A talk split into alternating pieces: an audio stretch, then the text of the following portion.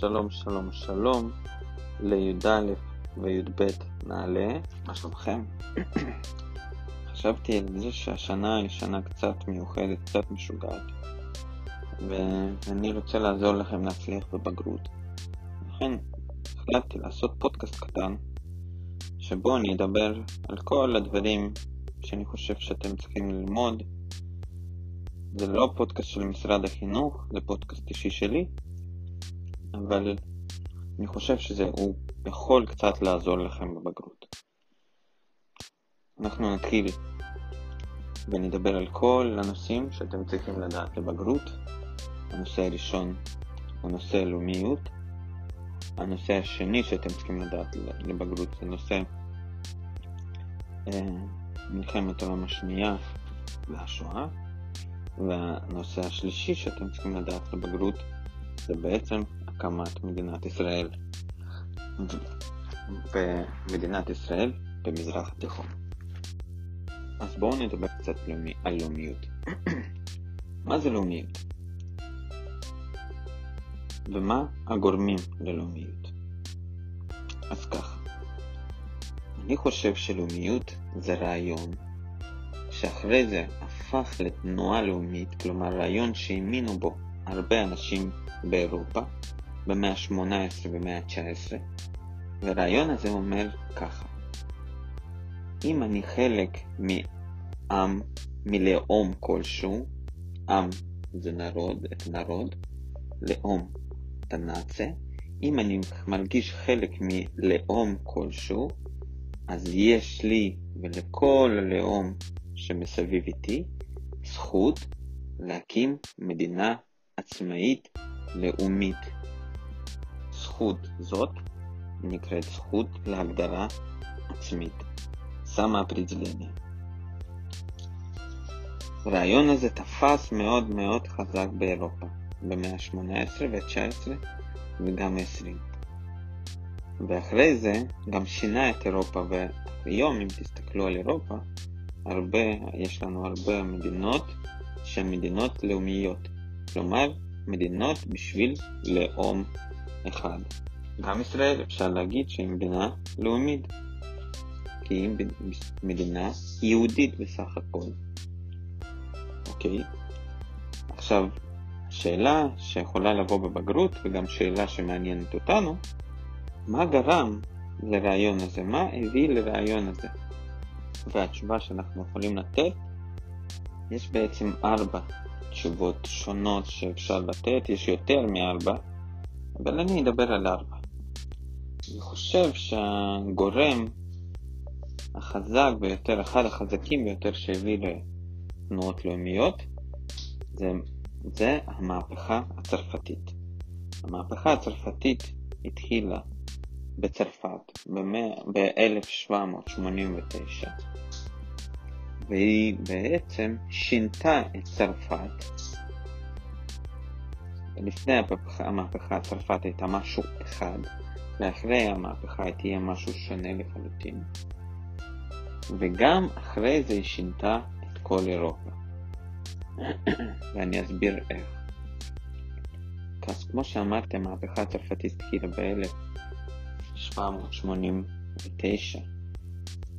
ולפני המהפכה צרפת הייתה מדינה שמבוססת על מעמדות. היו במדינה שלושת מעמדות. היה את מעמד הכמורה ומעמד האצולה, דוכביינסטווה, דנסטווה, והיה את מעמד השלישי, טרציה סוסלוביה, ולמעמד השלישי היו הכי פחות זכויות והיו הכי פחות משאבים, כסף, משני המעמדות הראשונים שדיברתי, האצולה והכמורה. ובאיזשהו שלב, ב-1789, צרפת הייתה במשבר כלכלי מאוד גדול, והיא ביקשה מהמעמד, מהמעמד השלישי, דרשה מהמעמד השלישי, לשלם עוד מיסים, выплатить еще налоги. ואז המעמד השלישי לא הסכים והתחילה המהפכה. המהפכה הזאת נמשכה הרבה הרבה מאוד שנים, יותר מעשר שנים, והיא הסתיימה כאשר ב-1804 נפול, נפוליאון עלה לשלטון. המהפכה הצרפתית היא גורם ללאומיות בכל אירופה, כי עמים אחרים באירופה הסתכלו על צרפת ורצו גם מדינה כזאת שיכבדו בהם את הזכויות שלהם, שהם יהיו כמו שיהיה שוויון, שיהיה חירות, שיהיה באחווה במדינה שלהם, והם התחילו לעשות מהפכות במדינות שלהם. הגורם השני ללאומיות באירופה זה נפוליאון והכיבושים שלו. כמו שאמרתי, ב-1804 נפוליאון עלה לשלטון בצרפת והכתיר את עצמו קרנבל סיבה כקיסר צרפת והתחיל לכבוש מדינות באירופה. הוא התחיל לכבוש אותם והוא סיפר לכולם שהוא כובש אותם בשביל להפיץ את רעיונות המהפכה הצרפתית, חירות, שוויון ואחווה, סבבודה, רביצטווה וברצטווה. נפוליאון היה איש צבא מאוד מאוד חכם, מבריק, והוא באמת הצליח לכבוש המון שטחים באירופה, אבל לאט לאט העמים שהוא כבש הבינו שלמרות שנפוליאון מדבר על רעיונות מאוד יפים ומאוד טובים, הוא עדיין כובש. והם לא רוצים, הם אולי רוצים רעיונות של מהפכה הצרפתית במדינה שלהם, אבל הם לא רוצים שנפוליאון יהיה השליט שלהם. הם רצו שליט משל עצמם.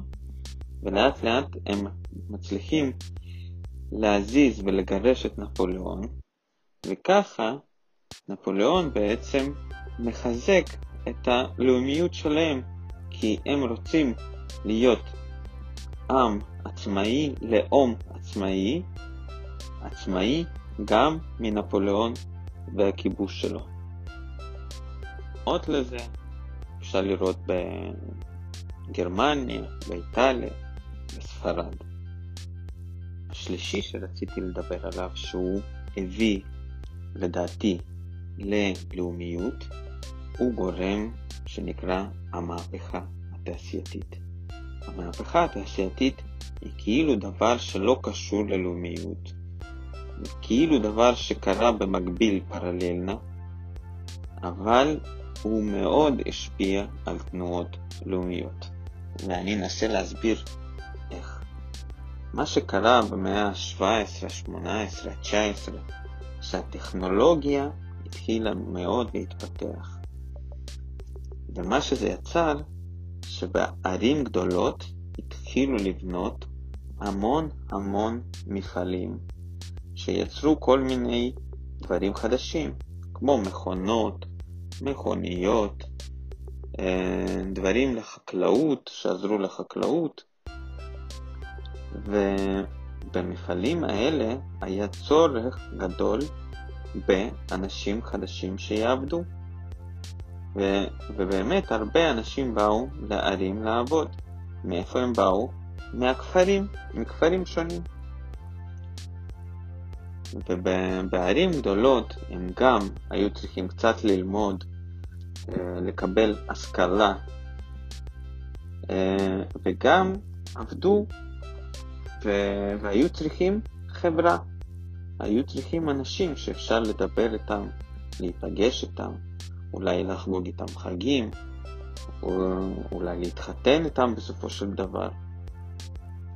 אז מעניין, מה שקרה זה דבר מאוד מעניין, שאנשים בערים גדולות, למשל כמו, לא יודע, ברלין, או וינה, או וינה, או פראג, כל מיני ערים גדולות וגם קצת פחות, פחות גדולות, התחילו לחפש אנשים קרובים והם חיפשו אנשים שמדברים אותה שפה.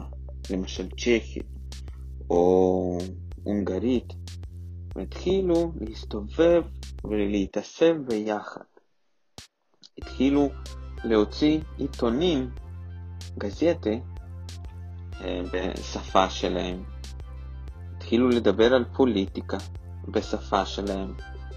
בסופו של דבר הם הגיעו לרעיון מאוד מאוד הגיוני, למה שלא נקים מדינה רק שלנו?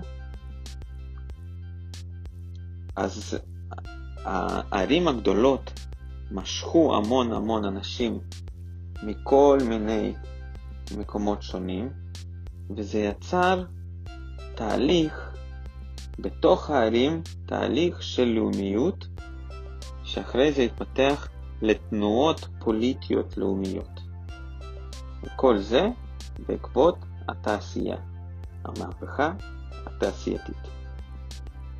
והדבר הרביעי, הגורם הרביעי שחשוב לי לדבר עליו, שגרם ל...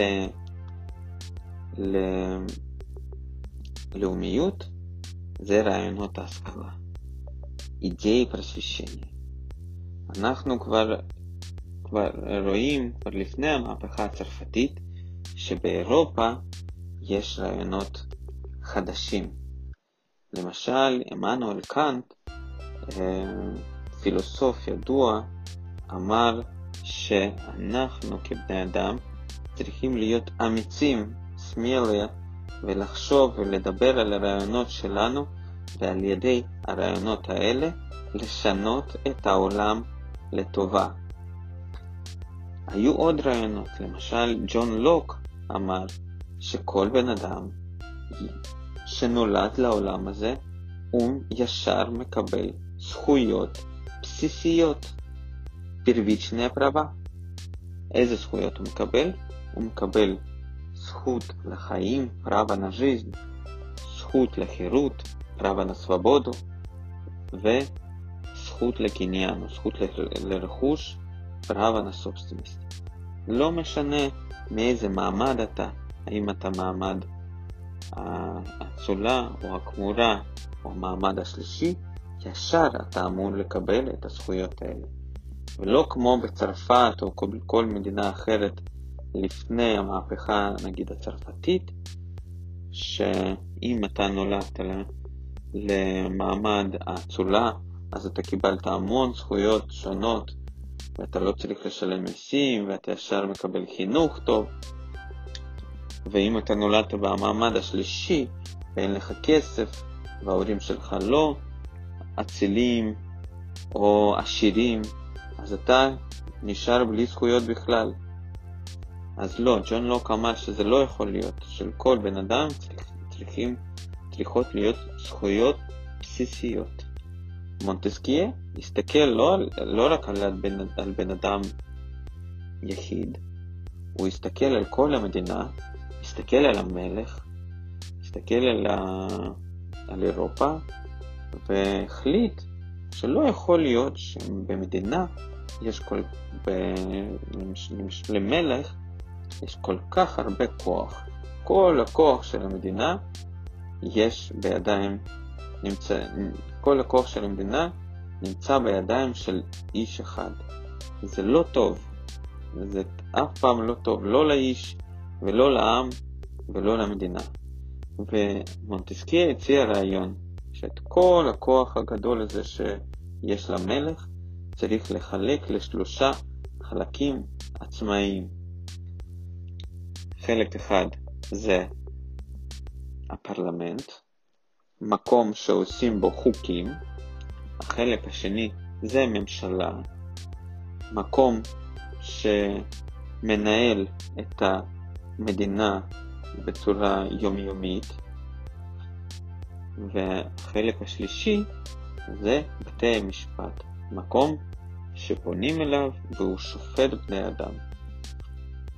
исполнительная, законодательная и судебная власть. מוטסקיה אמר שצריך את החלוקה הזאת בשביל שהמדינה תהיה מאוזנת ולא יהיה שם, לא תהיה שם שחיתות, קרופציה. יהיו עוד רעיונות אחרים רבים וטובים, אה, אבל אני לא אדבר על כולם. אני רק אגיד שאם לשים על אותו דף גם את המהפכה הצרפתית וגם את אותו כיבושי נפוליאון וגם את המהפכה התעשייתית וגם את רעיונות ההשכלה, אנחנו יכולים להבין איך כל זה במאה, בסוף מאה ה-18 ותחילת מאה ה-19 גרם ללאומיות. ואנחנו יכולים להבין בגלל זה איך זה יכול להיות שעכשיו כשאנחנו מסתכלים על העולם, העולם מורכב מהמון המון מדינות לאומיות. גם מדינת ישראל היא אחת מהן. זו, אז מה זה לאומיות בעצם? מה זה אידיאולוגיה לאומית? האידיאולוגיה הלאומית אומרת שלכל עם או לכל לאום יש זכות להקים מדינה עצמאית ולהגדיר לעצמו מה חשוב באותה מדינה. אנחנו יודעים מה זה לאומיות, מה זה רעיון הלאומיות, האידיאולוגיה הלאומית. אנחנו יודעים מה, גר, מה גרם להתפתחות של האידיאולוגיה הלאומית. אנחנו עוד לא שאלנו את עצמנו בצורה מסודרת מה זה לאום, מה זה עם, מה זה לאום. אז לאום זה קבוצה של אנשים שיש להם שפה משותפת, תרבות משותפת, מסורת משותפת, חגים, מנהגים, שירים, ספרות, אה, תוכניות טלוויזיה עכשיו, לא יודע, עוד משהו, זיכרון היסטורי משותף, ולפעמים דת משותפת, וטריטוריה משותפת, והאנשים האלה רוצים לחיות בצורה פוליטית ביחד, במולדת שלהם. זה, כל זה, לאום. שאלה שיכולים לשאול אותנו בבגרות, וגם מעניינת אותנו בלי קשר לבגרות, זה מה הם המאפיינים המשותפים לתנועות לאומיות. Какие общие характеристики есть у национальных движений? מה משותף ביניהם? כשאנחנו מסתכלים אחורה ומנסים להבין את התנועות הלאומיות, אנחנו מנסים לראות מה הם עשו אותו דבר, או מה היה אותו דבר אצל כל התנועות הלאומיות. ואנחנו רואים דברים מעניינים. אנחנו רואים ש... שכל תנועה לאומית עבדה ופעלה להיות עצמאים בטריטוריה שלה ורצתה לפתח את התרבות המיוחדת שלה.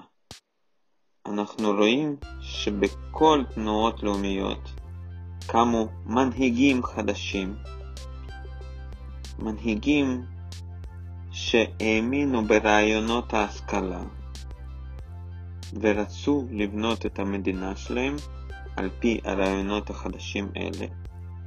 למנהיגים אלה הייתה את הכריזמה הדרושה בשביל לפתח את הרעיונות האלה ולמשוך אחריהם אנשים, והמנהיגים החדשים האלה ידעו להשתמש בטכנולוגיה המודרנית, בעולם המודרני, בשביל לחזק את הרעיונות שלהם, בשביל שאנשים ילכו אחריהם. חוץ מזה, אנחנו רואים שלא הייתה תנועה לאומית שלא עשתה מאבק בשביל להשיג את מה ש... אה, להשיג את המטרות שלה. לא הייתה תנועה לאומית, תנועה לאומית שקיבלה את כל, את כל מה שהיא רצתה בלי מאבק כלשהו. מאבק זה יכול להיות, מאבק את הברבה, מאבק זה יכול להיות מלחמה נגד מדינות אחרות, נגד השכנים, כמו למשל צר... אה, נגיד גרמניה, שנלחמה נגד צרפת ונגד אוסטריה, ואז אה, הפכה להיות מדינה מאוחדת, הבדיניונה, אבל זה יכול להיות גם מאבק פנימי. מאבק פנימי עם אלימות, או מאבק פנימי פוליטי. מאבק פנימי עם אלימות אנחנו רואים במהפכה הצרפתית. זה היה יותר מעשר שנים של אלימות, של דם, של אה, באמת שנים קשות, וזה באמת היה מאבק קשה, בשביל שבסופו של דבר היום צרפת תהפוך להיות רפובליקה, מדינה שיש בה חירות, שוויון ואחווה. או גרמניה. בגרמניה ביסמרק גם עשה מאבק בריבה עם מדינות, כל מיני מדינות ונסיכויות גרמניות, והוא נלחם איתם לא פיזית אלא פוליטית בשביל שהם יסכימו להתאחד לאותה מדינה אחת שנקראת גרמניה. אז אנחנו רואים שיש דברים משותפים לכל, לכל תנועות לאומיות. זה טריטוריה, אנחנו רואים שיש מנהיגים כריזמטיים, ואנחנו רואים שלכל תנועות לאומיות יש מאבק משותף. מאבק, משהו משותף, משותף זה המאבק, יכול להיות פיזי, יכול להיות מלחמה, ויכול להיות מאבק פוליטי פנימי. לסוף הנושא הזה של לאומיות, אני רוצה להקריא לכם טקסט מאוד מאוד קצר, אבל טקסט חשוב. והוא מתוך הספר הלב דה אמיצ'יס. הוא מדבר על איטליה. אדמונדו דה אמיצ'יס זה ספר ילדים הלב שנכתב ב-1888. מדוע אני אוהב את איטליה? למה אני אוהב את איטליה? אני אוהב את איטליה משום שאימא שלי איטלקייה, מפני שהדם שזורם בעורקים שלי הוא איטלקי, מפני שאיטליה היא אדמה שבה קבורים המתים שאימא מתאבלת עליהם, בוכה עליהם, ואבא שלי מוקיר, מכבד, מפני שעיר הולדתי, לשון דיבורי, ספרים שעליהם אני מתחנך, הם איטלקיים, מפני שאחי, אחותי, חבריי, והעם הגדול שבו אני חי, הטבע היפה הסובב אותי, כל שאוהב אני, שאני לומד ואני מעריץ. כל זה הוא איטלקי. הטקסט הזה הוא מאוד קצר, אבל הוא מסביר בצורה מאוד טובה מה זה לאום, מה זה ומה זה לאומיות, ולמה לאומיות היא תנועה כל כך חזקה שהצליחה באמת לשנות את העולם ואת אירופה.